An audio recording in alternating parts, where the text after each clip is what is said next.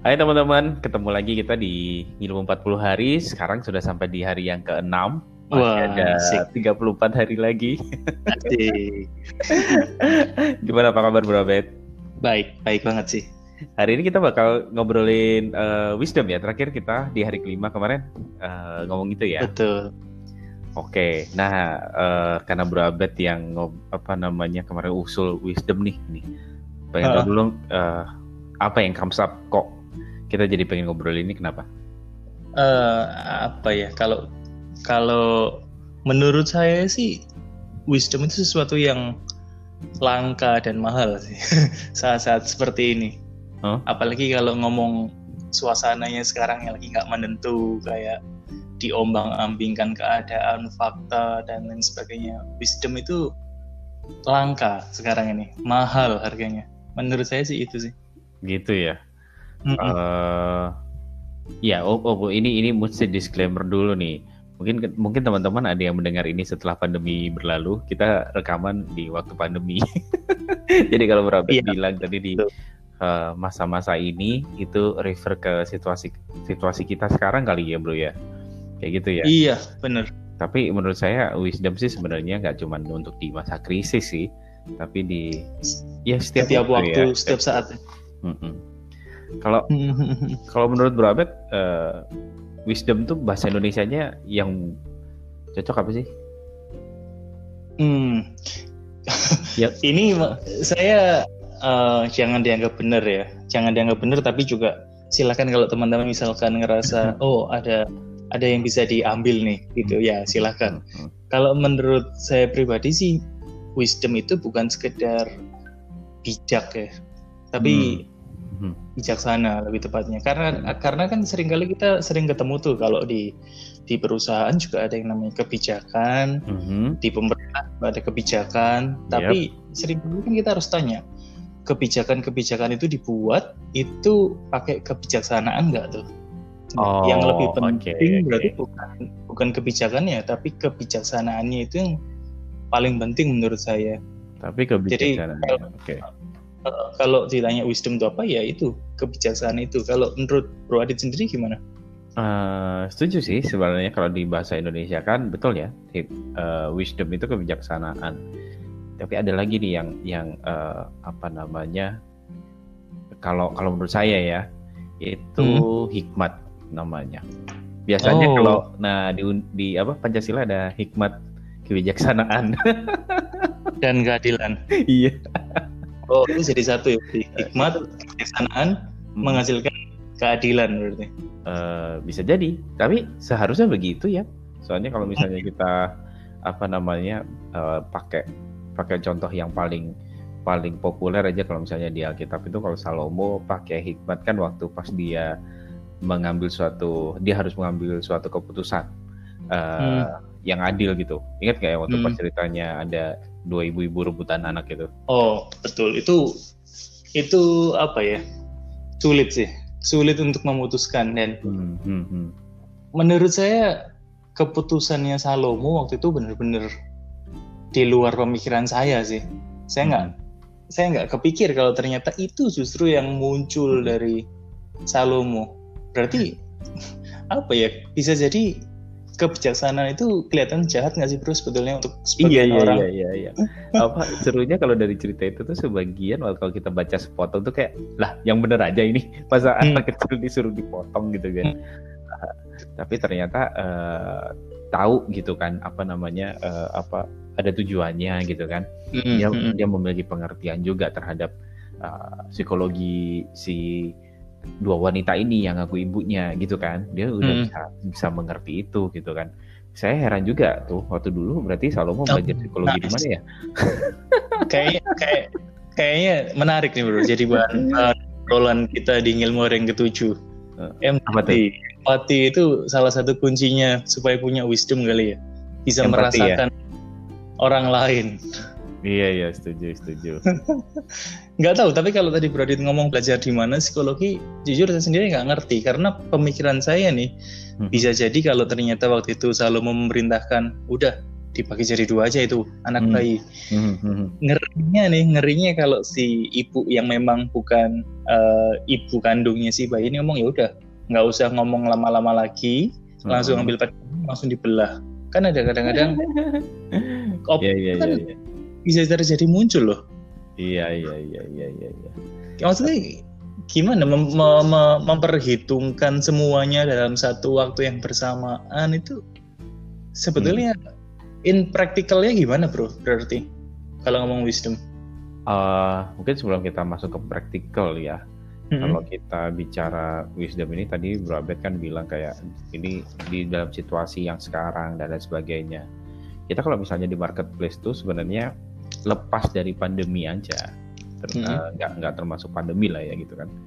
Eh, kita itu ada di situasi yang namanya eh, VUCA. apa itu K itu singkatan ya. Jadi eh, V-nya itu volatility, uncertainty, Hmm. complexity, and ambiguity. Singkat katanya chaos lah intinya gitu. Oh Eh, coba maksudnya begini, kita sekarang eh, yang namanya perubahan, eh, perubahan itu nggak cuman perubahan yang pelan-pelan lagi sekarang, tapi Mm-mm, di- mm-mm. disrupt, di- disrupsi ya namanya ya, disruption ya, disrupsi itu kan terjadi eh, hampir di semua industri ya sekarang ya seperti itu. Terus yang eh, sekarang disrupt, eh, ke disrupt lagi dan lain sebagainya. Kita ingat kayak bagaimana Airbnb melakukan disruption di di eh, apa namanya industri eh, perhotelan gitu. Tapi tiba-tiba sekarang dengan adanya eh, pandemi dia terdisrupt lagi dan lain sebagainya. Kan kayak gitu ya. betul Nah, di saat di, di situasi-situasi yang penuh kekacauan seperti ini, yang eh, chaos ini, yang namanya eh, prediksi itu menjadi suatu hal yang sangat eh, sakti kalau kita bisa lakukan ya, menurut saya. Hmm. Gitu. Memprediksi itu kan. Masalahnya sekarang eh, itu semakin sulit dilakukan karena semuanya uncertainty dari itu ya Heeh, kita tuh biasanya kalau misalnya mau memprediksi sesuatu, di- ya apa sih yang dipelajari? data-data sebelumnya Data-data sebelumnya yang membentuk suatu pola kan. Betul Begitu kita kayak ngerti ada polanya, oh ya, patternnya heeh. ada patternnya yang baru kita bisa prediksi sesuatu gitu kan. ya. Heeh. Ya sekarang makanya berkembang eh, di eh, apa namanya tuh data science dan lain sebagainya kayak gitu-gitu ya. Itu berkembang. Iya. Tujuannya apa sih sebenarnya kan mencari pola, ya kan? Mm-mm. Nah, uniknya memang polanya nih polanya sendiri berubah-ubah terus. Tuh. Uh, Wow, oke di situ yang saya pikir kayaknya uh, wah ini uh, orang-orang yang punya wisdom gitu kan. Uh, pelaku Hmm. bisnis yang punya wisdom atau profesional yang punya wisdom uh, itu yang bakal unggul. Nggak cukup cuman mereka yang punya pengetahuan, tapi harus punya wisdom juga kayak gitu. Hmm, hmm, hmm. Hmm, menarik. Terus tadi apa ya pertanyaannya? Saya belum jawab. In practice ya? In practice tuh wisdom harus kayak kayak gimana? So sebenarnya in practice itu wisdom itu kan ya itu tadi ya eh, bagaimana kita bisa eh, melakukan prediksi bukan ngeramal gitu ya Hmm. melakukan prediksi mengetahui apa yang tepat apa yang enggak apa yang benar apa yang enggak kan kayak gitu gitu Hmm, hmm, hmm, hmm, hmm. so eh, sebenarnya kalau kita ngomong orang yang eh, punya hikmat itu kalau saya renung-renungkan ya kayaknya nggak selalu berhubungan dengan eh, kita yang punya latar belakang pendidikan akademis eh, keren gitu dan segala macam. Itu Hmm, apa ya? Nilai plus. ya itu nilai plus. Itu bisa jadi modal yang sangat menarik. Eh sorry sangat kuat gitu kan. Tapi di saat yang bersamaan juga bisa jadi jadi burden ya Eh, Oh. karena ya udah kita terpaku dengan itu padahal di luar sana udah chaos misalnya kayak gitu nah tapi in practice gimana sih caranya kita kita eh, dapat wisdom gitu Mm-mm. karena tadi kita ngebahas Salomo nah kita coba pelajari Salomo dapat wisdomnya atau mendapatkan hikmatnya dengan cara apa bro? minta sama yang punya ini pencipta hidup sama Tuhan. Nah, nah di sampai di titik ini mungkin uh, teman-teman yang ngedengerin ya itu lagi jawabannya. Klise ya. Klise ya gitu kan. Tapi uh, sebenarnya uh, mau nggak mau itu harus berangkat dari dari situ sih memang. Ya kan? Oh iya iya bahkan iya. kita setuju sih di, setuju. ya kan? Kalau di Alkitab sendiri di di dibilang apa carilah dulu ke kerajaan Tuhan kan? Takut akan Tuhan uh, adalah permulaan dari hikmat ya betul ya? Betul betul. Jadi memang dari betul. dulu gitu kan? Nah takut itu gimana gitu? Uh, mulainya sebenarnya adalah hmm? dari kita coba bangun relationship with God. Sama Tuhan dulu. Uh, hmm. uh, mempelajari juga bagaimana Tuhan itu bergerak gitu loh dari dulu gitu kan uh, dalam kehidupan kita hmm. misalnya. Bagaimana kita itu bisa dibawa ke sebuah uh, dalam tanda kutip keberuntungan keberuntungan gitu. Kalau misalnya uh, kak di episode apa ya yang yang kita ngebahas tentang time and chance itu? Waktu dan kesempatan itu? Episode apa ya? Kalau nggak salah apa ya leadership mungkin ya atau saya lupa di hari keberapa saya kita ngomongin tentang itu. kita kita sempat ngomong itu kan. Sempat sempat.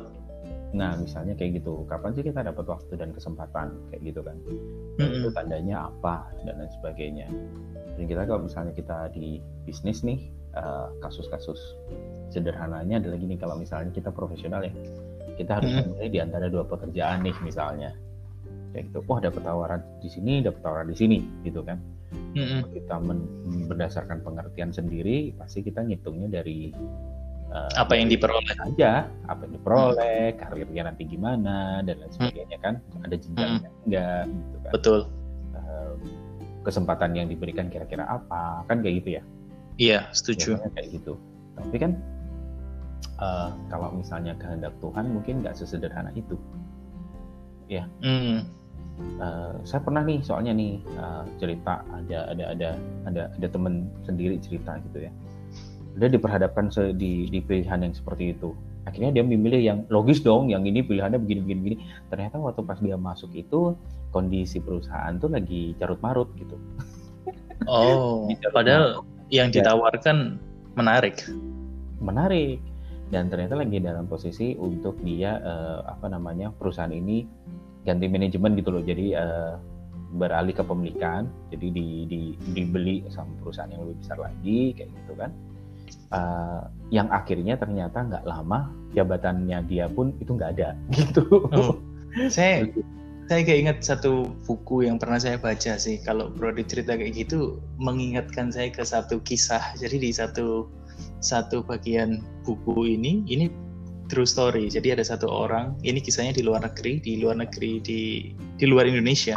Uh-huh. Jadi satu orang ini sudah punya anak yang lumayan uh, dewasa, diajak berburu ke hutan. Karena memang di sana kan tradisi berburu itu sesuatu yang normal kalau untuk uh-huh. orang dewasa. Uh-huh. Nah, di tengah hutan mereka itu taruh satu jagung yang kualitasnya tinggi supaya uh-huh. mereka itu uh, dihampiri oleh rusa tujuannya oh. mereka sih nggak akan menembak rusanya tapi mereka pengen melihat rusa itu dari dekat melihat rusa dari dekat nah ketika rusa itu mulai datang dia itu ternyata nggak langsung makan jagungnya loh bro oh. jadi dia itu datang mengamat-amati celingak-celinguk ngendus-ngendus jadi kayak dia itu menaruh curiga nah hmm. si bapak anaknya ketika itu apa sebetulnya pelajaran yang bisa kamu ambil dalam hal kayak gini gitu kan si anak hmm. ngomong apa nggak ada. Aku nggak tahu apa apa gitu. Terus si bapaknya ngomong dalam kehidupan ini ya memang sering kali kayak gitu. Coba deh kamu bayangin di tengah hutan yang sering kali uh, nyari makan tuh susah. Hmm. cari sesuatu yang itu susah. Terus tahu-tahu suatu hari kamu ketemu jagung yang berkualitas tinggi uh -huh. yang benar-benar fresh yang benar-benar bersih. Kamu curiga nggak kira-kira? Iya iya iya iya kan nggak nggak mungkin kamu makan gitu kan hmm, hmm, hmm. karena kan itu chaos terus ada yang menawarkan sesuatu yang baik kamu patut untuk curiga sebetulnya Mhm. bukan berburuk sangka ya tapi curiga itu lebih ke kira-kira apa ya sebetulnya motif di baliknya dan sebagainya itu sih sebetulnya saat-saat yang paling Iya. tepat pakai wisdom. Ya, ya saya kembali diingatkan akan buku itu sih gitu berarti tadi cerita gitu Bener juga. Nah itu itu eh, nyambung kayak tadi. Kalau misalnya tadi kan jawaban kita yang klise tadi ya tanya Tuhan gitu kan. Mm-mm. Nah bener. iya Jadi kalau misalnya kita dalam pilihan seperti itu kan, eh, wah ini saya biasa makan di situ kualitasnya nggak oke sih, tapi di sini ada yang bagus. Tiba-tiba ada yang ada yang bagus nih, misalnya kayak si Rusa tadi, atau kayak misalnya cerita teman saya tadi gitu kan. Eh, iya ini ada yang bagus nih gitu. Secara logika kita pasti kan, eh, oh langsung ke sana gitu kan. Nah itu kan maunya kita, tapi kita nggak pernah nanya ya kan. Tapi kita nggak nanya kan. Ini yang mana sih Tuhan kayak gitu kan? Yang ini atau yang ini gitu kan? betul Nah, kadang-kadang pikir kayak wah ini saatnya saya dipromosi, makanya saya ada uh, opsi ini. Iya, tapi kenapa ada yang itu gitu? Iya. Gitu kan. Uh, saya sendiri juga kan pernah pernah mengalami beberapa kali gitu dulu waktu pas bisnis yang sebelum ini ya. Uh, Hmm, waktu pas kita ngejalanin bisnis itu, bisnis saya itu terus aduh kok ini rada berat kayak gitu ya, rada seret juga dan segala macam. Tapi di saat yang bersamaan, ini ada tawaran untuk kerja oh untuk karir yang yang apa namanya eh, apa bagus nih misalnya kayak gitu ya. Atau kalau enggak ada tawaran bisnis lain tapi saya nggak bareng sama kongsi yang lama misalnya kayak gitu kan. Nah itu pernah loh saya kayak gitu juga gitu. In in the sake of surviving gitu ya maksudnya. Ya udahlah gitu kan saya ikut. Akhirnya malah apa membuat tidak fokus. Ya yang tadinya harus membutuhkan membutuhkan perhatian lebih supaya kembali naik akhirnya saya nggak fokus di situ dan mendapatkan sesuatu yang lebih baik di tempat lain ya Hmm. Ujung-ujungnya ujungnya kebaca dong akhirnya lebih serius yang mana gitu kan akhirnya lebih serius yang mana Iya. terus yang yang sebelumnya malah bukan akhirnya jadi jadi eh, naik lagi gitu kan tapi malah eh, tambah tambah runyam tambah berhenti kan kayak gitu padahal lu Hmm, kesempatan menarik. pemikirannya cuman gini kayak oh eh, anu apa namanya eh, saya ngambil inilah supaya bisa backup yang lain dan lain sebagainya gitu kan. Tapi ternyata ternyata ujungnya enggak juga. Nah di situ tuh saya juga menyadari bahwa oh iya ya yang namanya milih itu kalau di antara yang Hmm. yang baik dan yang jahat itu gampang buruk. bedain. Hah. Tapi iya. yang yang baik dan yang benar itu yang susah. Nah di situ butuh hikmat.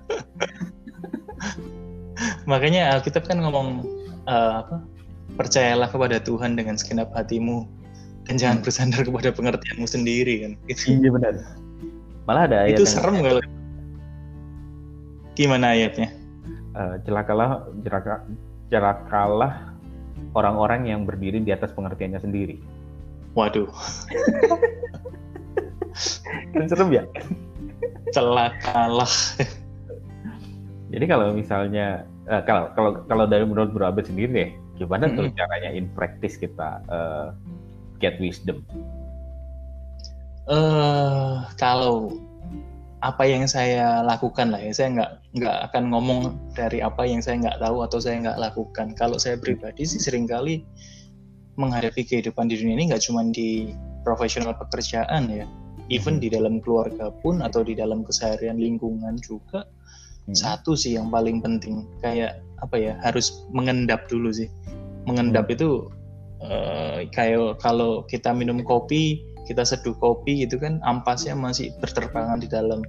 Airnya belum turun ke bawah dan mengendap Mm-mm. itu kan nggak enak kalau diminum. Kayak ada ampasnya kecampur dan sebagainya. Jadi tungguin aja dulu sampai mengendap semuanya. Jadi kelihatan tuh sebetulnya kopinya yang bisa diminum yang mana Iya, iya. ampasnya yang mana gitu jadi sebenarnya memang pasti pasti ada waktunya sih ada waktu seper sekian menit s- Mhm. satu eh sorry 6 second kalau nggak salah ya sebetulnya kalau dari kalau secara psikologi informasi masuk dari prefrontal cortex masuk sampai ke dalam limbik di dalam situ ada amigdala itu kan butuh 6 second. Nah, 6 second ini yang dipakai untuk mengendap sebetulnya. Oh, I see, I see. Jadi eh, apa intinya adalah nggak usah buru-buru gitu ya, Bro? Nggak ya? usah buru-buru. uh, Dicerna dulu, dicerna dulu, direnungi dulu, gitu ya? betul betul Nah, Ke- benar, benar, benar. karena kan memang kita di marketplace kalau saya pribadi tahu kebenaran kan kita harus jadi terang tuh jadi anak-anak terang katanya Ya. tapi gimana mungkin kita bisa jadi anak-anak terang kalau Mhm. kita nggak bisa tenang kalau Hmm. mau jadi terang ya harus mau tenang dulu Hmm, benar, benar, benar, benar, benar. Asik banget nih. Kalau mau jadi terang, kita harus tenang dulu, gitu kan. iya Bahasa Indonesia ini asik ya. Pikir gitu. Bisa rimanya bisa sama gitu. Eh, setuju sih, setuju sih. Kadang kita kayak memang eh, apalagi sekarang ya situasinya kayak gini kita tuh kayak dituntut untuk terus Wah harus cepat ini, cepat itu gitu kan. Harus cepat gerak ini, cepat gerak itu. Tapi kadang-kadang kita malah eh, lupa untuk take a deep breath, re- renungin dulu gitu ya. iya iya Ya, eh, selah dulu lah istilahnya gitu ya. Mm-mm. Kayak Saya- gitu saya dulu itu orang yang kalau istilah dunia ini sumbu pendek bro Hmm. ada masa-masa saya itu sumbunya pendek. Nah, terus saya itu selalu doa sama Tuhan, Tuhan perpanjang sumbu saya supaya saya itu nggak sumbunya pendek. Ah, ah, ah. Menurut saya itu bener loh bro. Menurut saya ya, menurut saya itu wah ini baik dong. Awalnya sumbunya pendek, sekarang sumbunya jadi lebih panjang. Otomatis kan eh, waktunya itu kan lebih panjang tuh durasinya. Yap, yap. Terus istri saya ngingetin gini dong, kamu kok aneh ya? Nah, eh, minta sama Tuhan sumbunya diperpanjang. Daripada kamu minta sumbunya diperpanjang, mending kamu minta sama Tuhan sumbunya dihilangin. Jadi meskipun ada api yang nyulut pun, ya nggak nggak bisa kalau nggak ada sumbu. Wah, menarik nih, menarik nih. Tapi kalau nggak ada sumbunya kan nggak nyala, bro. Makanya karena nggak karena nggak nyala itu, kena masalah ini kena masalah itu akhirnya nggak terpicu. Kita tetap stand still di situ. Kalau Oh. sumbunya panjang kan, ya kayak sebetulnya tinggal nunggu waktu nih. Kesabarannya berapa lama lagi? Daripada kayak gitu, mending sumbunya lepas aja sekalian. Hmm, menarik juga tuh argumennya ya, atau, atau pemikirannya ya. Tapi eh itu ya kita sepakat ya bahwa kayak untuk kita dapat eh, untuk menguji segala sesuatu itu salah satunya ya nggak jangan gerusa gerusuh gitu ya. Mm-mm. Betul, Jangan gerusa betul gerusuh sih. bisa didiskusikan dengan em, cari konfirmasi lah ya intinya kayak gitu ya. Nah, itu bener sih, konfirmasi. Apalagi kalau misalnya teman-teman yang udah punya pasangan ya atau menikah ya kayak gitu. Mm-mm, kan. mm-mm. kalian bisa gumulkan bareng tuh Uh, sharing lah dia dapat insight apa dan segala macam buka telinga dan pastinya juga uh, kalian juga doain kayak gitu kan Pasti. dengan kita doain ya itu maksudnya prosesnya kita nanya Tuhan ya nggak sih nanti pasti Setuju. ada apa ada ada tema tertentu deh gitu kan mungkin uh, kita akan waktu pas kita saat teduh misalnya kita baca uh, firman Tuhan terus dapat dapat tema apa dapat insight apa Nah. kayak gitu gitu ya Mm-mm. Kadang-kadang ayat yang sama itu soalnya kalau kita baca hari ini sama besok itu Beda.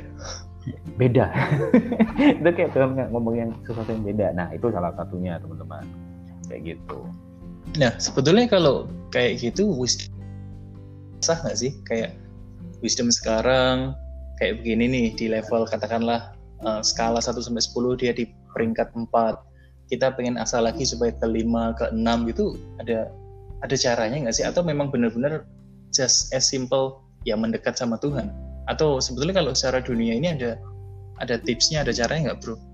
Hmm, sebenarnya nanti kalau misalnya semakin semakin sering kita diperhadapkan seperti itu, gitu kan? Hmm. eh, gimana-gimana sih? Saya percaya ya kalau kita semakin mengalami, semakin eh, banyak latihan gitu ya, atau banyak kejadiannya gitu, pasti akan semakin tajam. Kembali lagi, nanti akan ketemu polanya. Hmm. Nah, mungkin bukan pola-pola logika ya, tapi pola-pola kayak eh, ini datang dari mana, apa keluarnya. eh, makanya waktu kapan hari, kenapa sih saya bisa sharing yang peace, joy, dan growth? Itu Ya, pola soalnya, bro. Oh, karena sudah sering kali menjalani polanya kelihatan. Akhirnya saya melihat kayak ada apa aja sih? Ini sebenarnya kalau saya breakdown aspeknya apa aja deh sih segala macam gitu ya. Dan sampai akhirnya eh, keluar itu gitu kan. Cuman ya saya sendiri pun gak akan berhenti sampai oh ini ke- apa namanya udah udah centang semua ya checklistnya kayak gitu.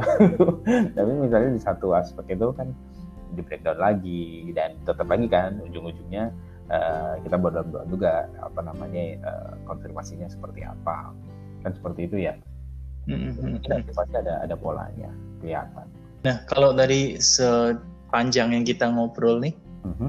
kan kelihatannya atau tendensinya wisdom itu cuman boleh digunakan untuk sesuatu yang baik kayak gitu ya. Mhm. Jadi kayak tadi cerita Salomo, Salomo pengen memecahkan problemnya dua orang ibu yang berebut anak dan seterusnya dan sebagainya. Ada nggak sih sebetulnya eh, ya tipikal orang-orang itu yang mau berbuat jahat Mhm. itu juga pakai wisdom. Mhm. Pernah ketemu kayak gitu nggak sih bro? Kayak dia ngomong gini, oh ini sih pasti jalan nih rencana kayak begini. Mhm. Sudah memperhitungkan secara matang. Mhm. Kayaknya juga tanya nih sama Tuhan. Mhm. Dalam tanda kutip sebetulnya rencananya jahat. Misalnya kayak gini. Oh, itu tanya Tuhan tapi rencananya jahat. Kayak apa tuh? Pak Wisdom, nah gini. Tuhan, ini kan saya perusahaan yang eh, karyawannya lumayan banyak, skala 50 sampai 100 karyawan.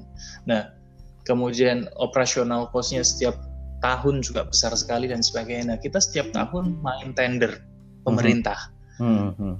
Dan pemerintahnya ini dalam tanda kutip kan juga pasti kita tahu negara kita Indonesia ini juga saya nggak mau mengutuk Indonesia saya yakin Indonesia Hmm. ke depan akan jadi lebih baik tapi ada banyak praktek yang tidak baik di negeri ini nah kemudian di situ tuh pakai minta sama Tuhan Tuhan kasih saya wisdom bagaimana supaya saya bisa melakukan yang terbaik di dalam itu padahal konteksnya tadi kan ikut tender terus budayanya juga kurang baik di dalamnya tapi di situ minta wisdom dengan tujuan katanya ya supaya karyawan yang 50 sampai 100 orang itu tetap dapat penghidupan. Itu boleh nggak sih sebetulnya? Eh, nah itu ya. Sebenarnya harusnya kalau saya percaya wisdom itu tidak akan eh, ngelit gitu atau meloloskan kita dari hal-hal yang yang negatif itu harusnya kan mintanya begini loh bukan bukan wisdom untuk kita bisa eh, lolos atau menang di kayak tender tadi dan lain sebagainya gitu kan Hmm. tapi kan yang diminta sebenarnya harusnya adalah wisdom untuk melolo- mengelola, hikmat untuk mengelola, hikmat untuk untuk eh, mendapatkan kreativitas, ya, hikmat untuk bisa melihat waktu dan kesempatan yang lain kayak gitu-gitu loh. So eh, saya sih saya sih tipe yang percaya ya bahwa gini, eh, ada nggak sih orang yang bisnisnya atau dalam dalam profesinya itu bisa menanjak gitu ya dengan cara-cara yang nggak benar gitu misalnya? Hmm. ya bisa ya bisa aja. Ya Banyak. bisa aja gitu kan banyak banget gitu. Saya nggak bilang nggak nggak bilang ya bisa aja banyak kok gitu kan. Eh, itu mereka melakukannya dengan dengan apa? Ya ya mereka terampil. Mereka berpengetahuan dan mereka cerdik gitu loh. Punya kecerdikan itu gitu. Tapi sebenarnya wisdom itu gimana sih? Wisdom itu kan dimulai dari humility ya. Dimulai dari Uh-uh. kita mengab, eh, kayak Salomo deh. Dia tuh tahu kayak aduh ini gue bisa nggak ya? Bapak gue bawa apa namanya si si eh, raja Daud. itu kan kayak wah dia ini raja keren banget di di di kerajaan ini gitu kan. Aku Iya. bisa ya? Kan dia kan terintimidasi dengan itu Oh. kayak ya aku nggak tahu aku nggak bisa nih gitu kan jadi dia yang yang dibangun duluan apa sih sampai Tuhan sampai ngomong ya kan dia beribadah terus mendekat terus sampai ditanyain sampai Hmm. akhirnya Tuhan tanya kamu tuh mau minta apa gitu kan terus dia minta Hmm. eh, hikmat kan gitu toh Mm-mm. Mm-mm. Nah, eh, apa kena- di- di- kenapa dia minta hikmat kenapa nggak dia minta kayak tadi misalnya iya nih saya mau ada eh, ini Tuhan apa lagi ada ganggau nih rencana ganggau sama sama kerajaan sebelah gitu kan misalnya kan. Eh, tolong dong tolong dong itu di ini dijadiin ya. Ya itu kan ibarat kata kayak kayak tadi ceritanya Bro Abed yang eh, Iya, "Ya, iya. gitu. Itu gimana ya saya supaya apa dan lain sebagainya. Eh, tapi kan enggak dia kan minta hikmat kan. Dan itu melampaui itu semua. Hmm. Nah, menurut saya sih kayak gitu tapi gimana kalau misalnya kita nanti di eh, dihadapkan dengan wah ternyata tetap nih harus harus sama ini nih gitu misalnya kan. Harus sama eh, eh, apa perusahaan ini atau sama dengan proyek ini yang kita lihat kayak memang memang banyak banyak nggak benernya kayak gitu. Nah, kita bisa tetap berhikmat kayak kayak eh, Daniel kita nggak ikut ikutan ya kan? Mm. kita tidak ikut ikutan di sana dengan cara caranya mereka kayak gitu kan tapi kita tetap bisa berada di sana, eksis, bahkan jadi berkat. Kan kayak gitu. Oke, okay. oke. Okay. Ada prosesnya nggak? Ada prosesnya nggak? Ya ada. ya ada. Hampir mati dia di dimasukin dalam kuah singa. Uh, jadi cemilan singa. Ini yang tadi Bro Dit sampaikan, ini nggak kerasa kita udah setengah jam sih. Mungkin sambil sambil apa ya? Saya wrap up gitu. Ya. Nanti Bro Dit, kalau misalkan ada yang mau ditambahkan silakan. Saya okay. uh, eh, dapat satu rema sih dari ilmu kita hari ini di hari yang ke-6 tentang wisdom itu. Seringkali kan manusia tuh menganggap wisdom itu dikesampingkan atau dinomor dua kan atau dianaktirikan lah istilahnya. Tapi ketika tadi berada cerita tentang Salomo, saya baru sadar dia itu didatangi negara-negara tetangga, kerajaan-kerajaan tetangga, para raja-raja, ratu-ratu datang ke dia kasih banyak upeti, emas dan lain sebagainya itu bukan karena kerjasama bisnis antar kerajaan, hmm. tapi mereka datang, mereka duduk, mereka pengen dengerin wisdom yang dipunya iya. Salomo yeah. tentang problemnya mereka itu mm-hmm. justru wisdom itu sampai bisa membawa sebegitu besarnya wealth gitu kan keren sih mm-hmm. ya itu saya mungkin mau berapa sedikit mungkin berarti terdapat tambahan gitu Uh, ya setuju ya. Jadi kalau kita uh, punya wisdom yang dari Tuhan kita itu pasti jadi berkat intinya gitu. Mm. Kita mm. bisa melihat hal-hal yang orang itu nggak bisa lihat uh, di dalam bisnis gitu ya kita bisa memberikan solusi apa yang tidak terpikirkan misalnya seperti itu ya karena kita tidak mengadakan pengertian kita sendiri gitu mm -hmm. uh, cuman yang pasti begini apa namanya mungkin urutannya ya ini terjadi pada saya gitu. Sering okay. saya baru nanya berpikir uh, berdoa gitu ya. Sorry. Baru nanya lalu terus berdoa dan mengumpulkan ketika pikiran-pikiran saya udah mentok semua. Mm -hmm. biasanya kan kayak gitu ya. Uh, udah nggak ada jalan lain nih gitu kan baru baru deh gitu kan. Apa namanya uh, berdoa minta konseling sana sini gitu kan misalnya kayak uh, masukan dari mana-mana. Nah wisdom itu startnya dari awal adalah ya kita nanya dulu sebelum mengandalkan kekuatan sebelum mengandalkan kekuatan kita kayak gitu oke okay. karena oke okay. menarik semua itu sih menurut saya I see Oke okay, bro, thank you nih. Menarik nih omongan kita tentang wisdom di ilmu hari ke-6. Thank you banget bro. Besok kita akan ngobrol tentang empati sih. Empati ini juga nggak kalah menarik harusnya. Oke, okay, kalau gitu berarti thank you waktunya. Uh, sharingnya hari ini benar-benar uh, memberkati saya secara pribadi juga seharusnya saya berharap teman-teman semuanya yang dengerin ilmu juga terberkati sih. So, thank you teman-teman semuanya. See you and God bless you.